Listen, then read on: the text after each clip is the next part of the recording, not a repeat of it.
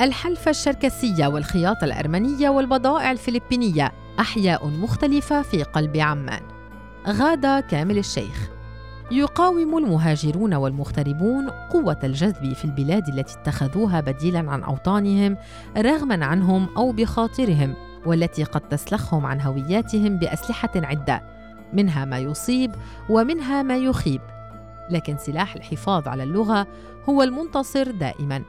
هذا ما لاحظناه خلال إعداد هذا التقرير الذي تجولنا فيه بين أحياء قوميات غير عربية في قلب العاصمة الأردنية عمان وتحدثنا إلى سكانها الذين تشربوا معظم العادات الأردنية مع حفاظهم على لغتهم الأم بكل أمانة.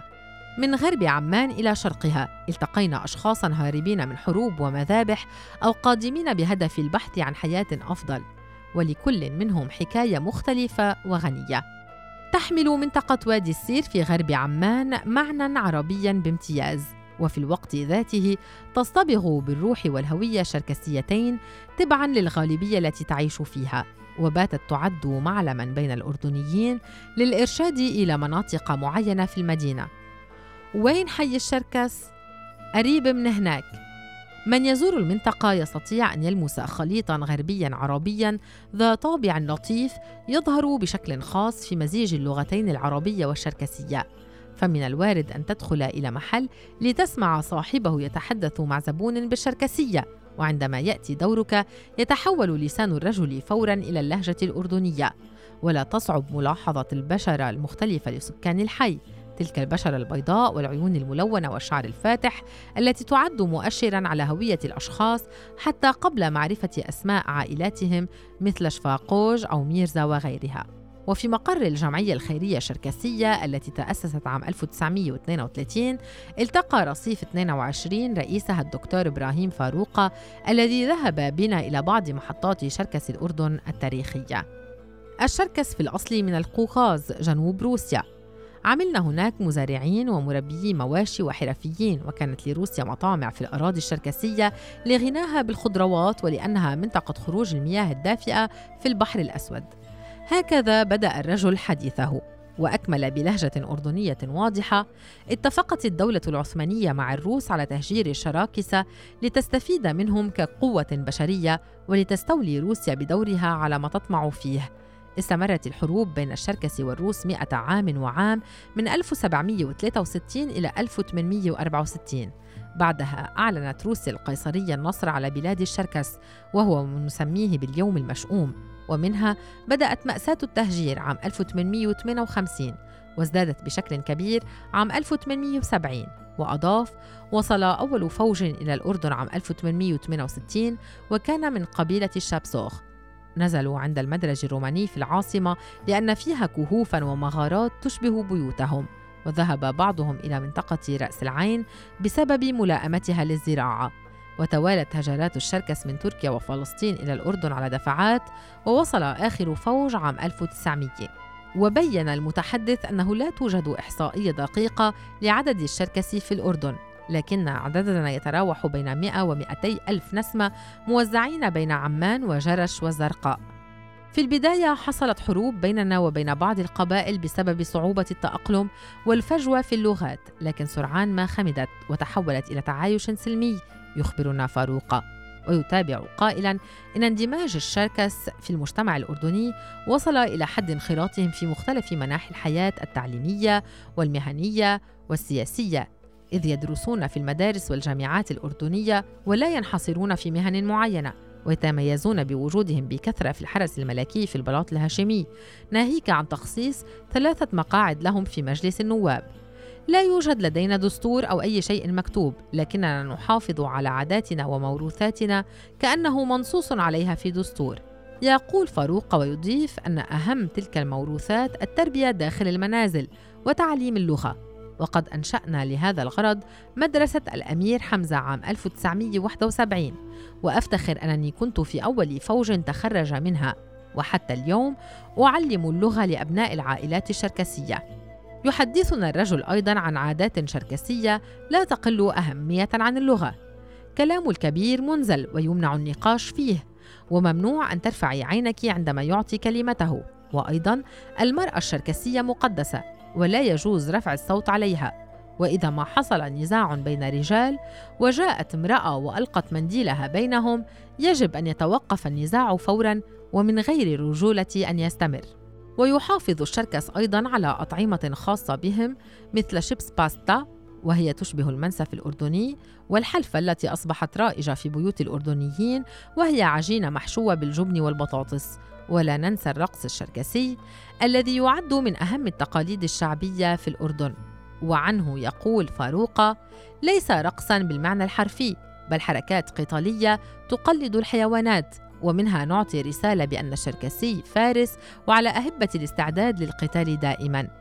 الاندماج الذي وصل إلى حد التزاوج بين الأردنيين والشركس لا يلغي أهمية الحفاظ على تلك العادات كلها.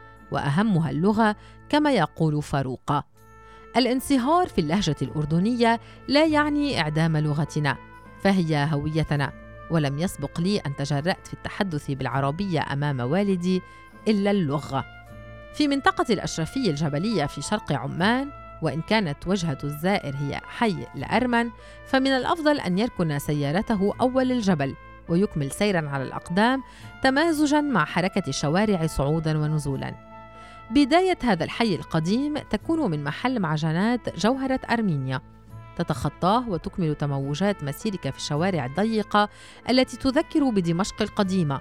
تتلقفك يمنة ويسرى ما حال بمساحات صغيرة وتصاميم قديمة لصالونات للسيدات وللبقالة وللميكانيك وكنيسة ملاصقة لمدرسة وروضة الأرمني الأرثوذكس وقد تأسست عام 1963 عند سؤال أحد المارة عن سبب إقفال باب المدرسة أجاب على الفور الله يرحمه بطل حدا يسجل فيها الأرمن راحوا على عمان الغربية وبطل تعجبهم الأشرفية. قالها باستهزاء وحزن. الأمر ذاته بالنسبة إلى محل المعجنات وهو على عكس ما يدل اسمه يدار اليوم من أردنيين ما يوثق خروج معظم سكان الحي نحو مناطق عمان الغربية المسطحة لينخرطوا أكثر في المجتمع والمدارس هناك.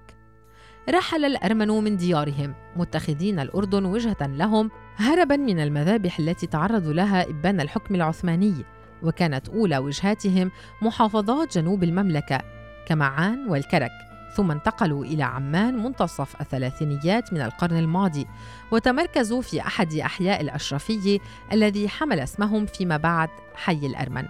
لا توجد إحصائيات رسمية عن عددهم لكنه يقدر بنحو ثلاثة آلاف نسمة. منهم من هاجر فورا إبان المذبحة ومنهم من وصل بعد قضاء فترة في سوريا ولبنان وفلسطين وبشكل خاص بعد نكبة 1948 على يمين الشارع نزولا من الكنيسة. يجلس جورج شماس أربعين عاما متوسطا طاولته داخل بقالته. يستقبل الزبائن على مدار الساعة ويتواصل معهم باللهجة الأردنية الأح التي باتت غائبة حتى عن ألسنة أردنيين خصوصا في عمان. فكانت كلمة هسة حاضرة في أغلب جمله بالإضافة إلى مناداته للرجال بأبو وهي عادة رائجة بين الشبان الأردنيين. هل يلغي ذلك معرفته بلغته الأم؟ بالطبع لا. فهو زيادة على تعلمه الأرمنية أتقن العربية.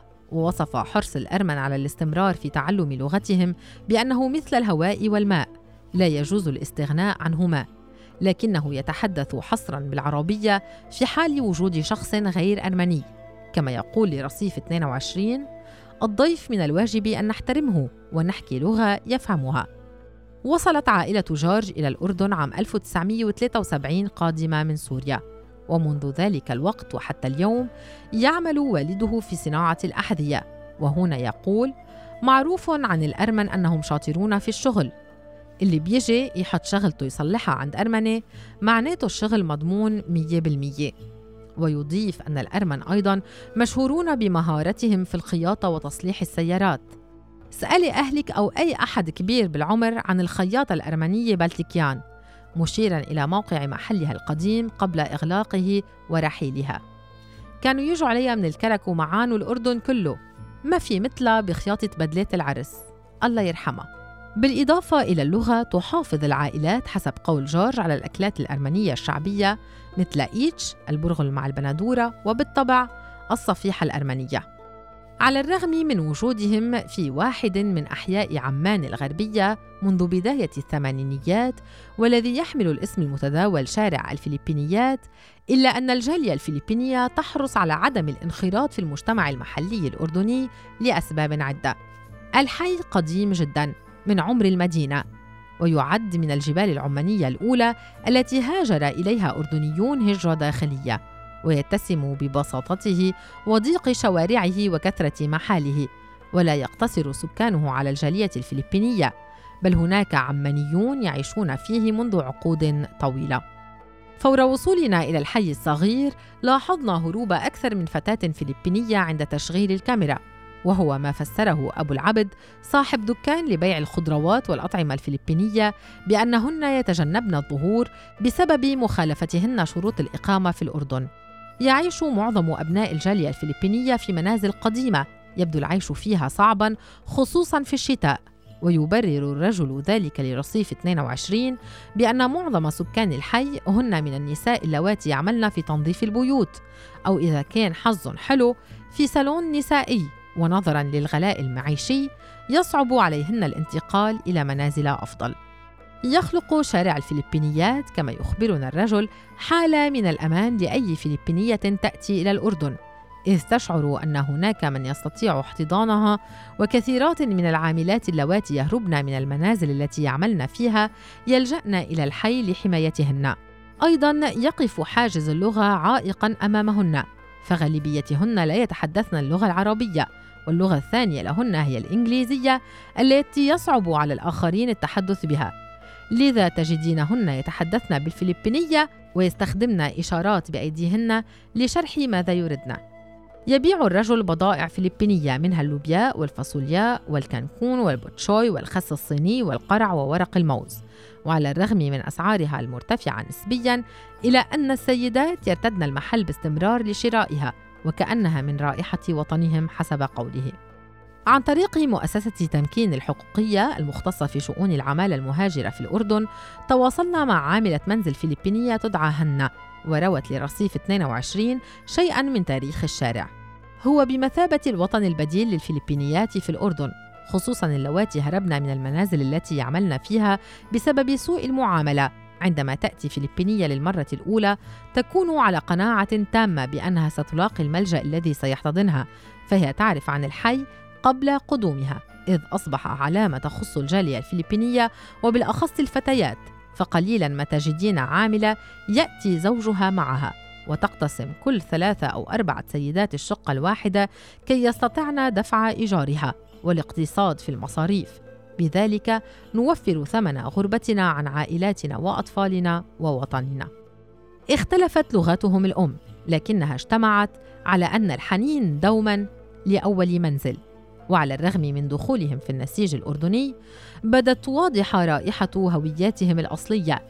ليس في حديثهم فحسب بل أيضا في الحنين الذي فضحته عيونهم وهم يتحدثون عن الوطن.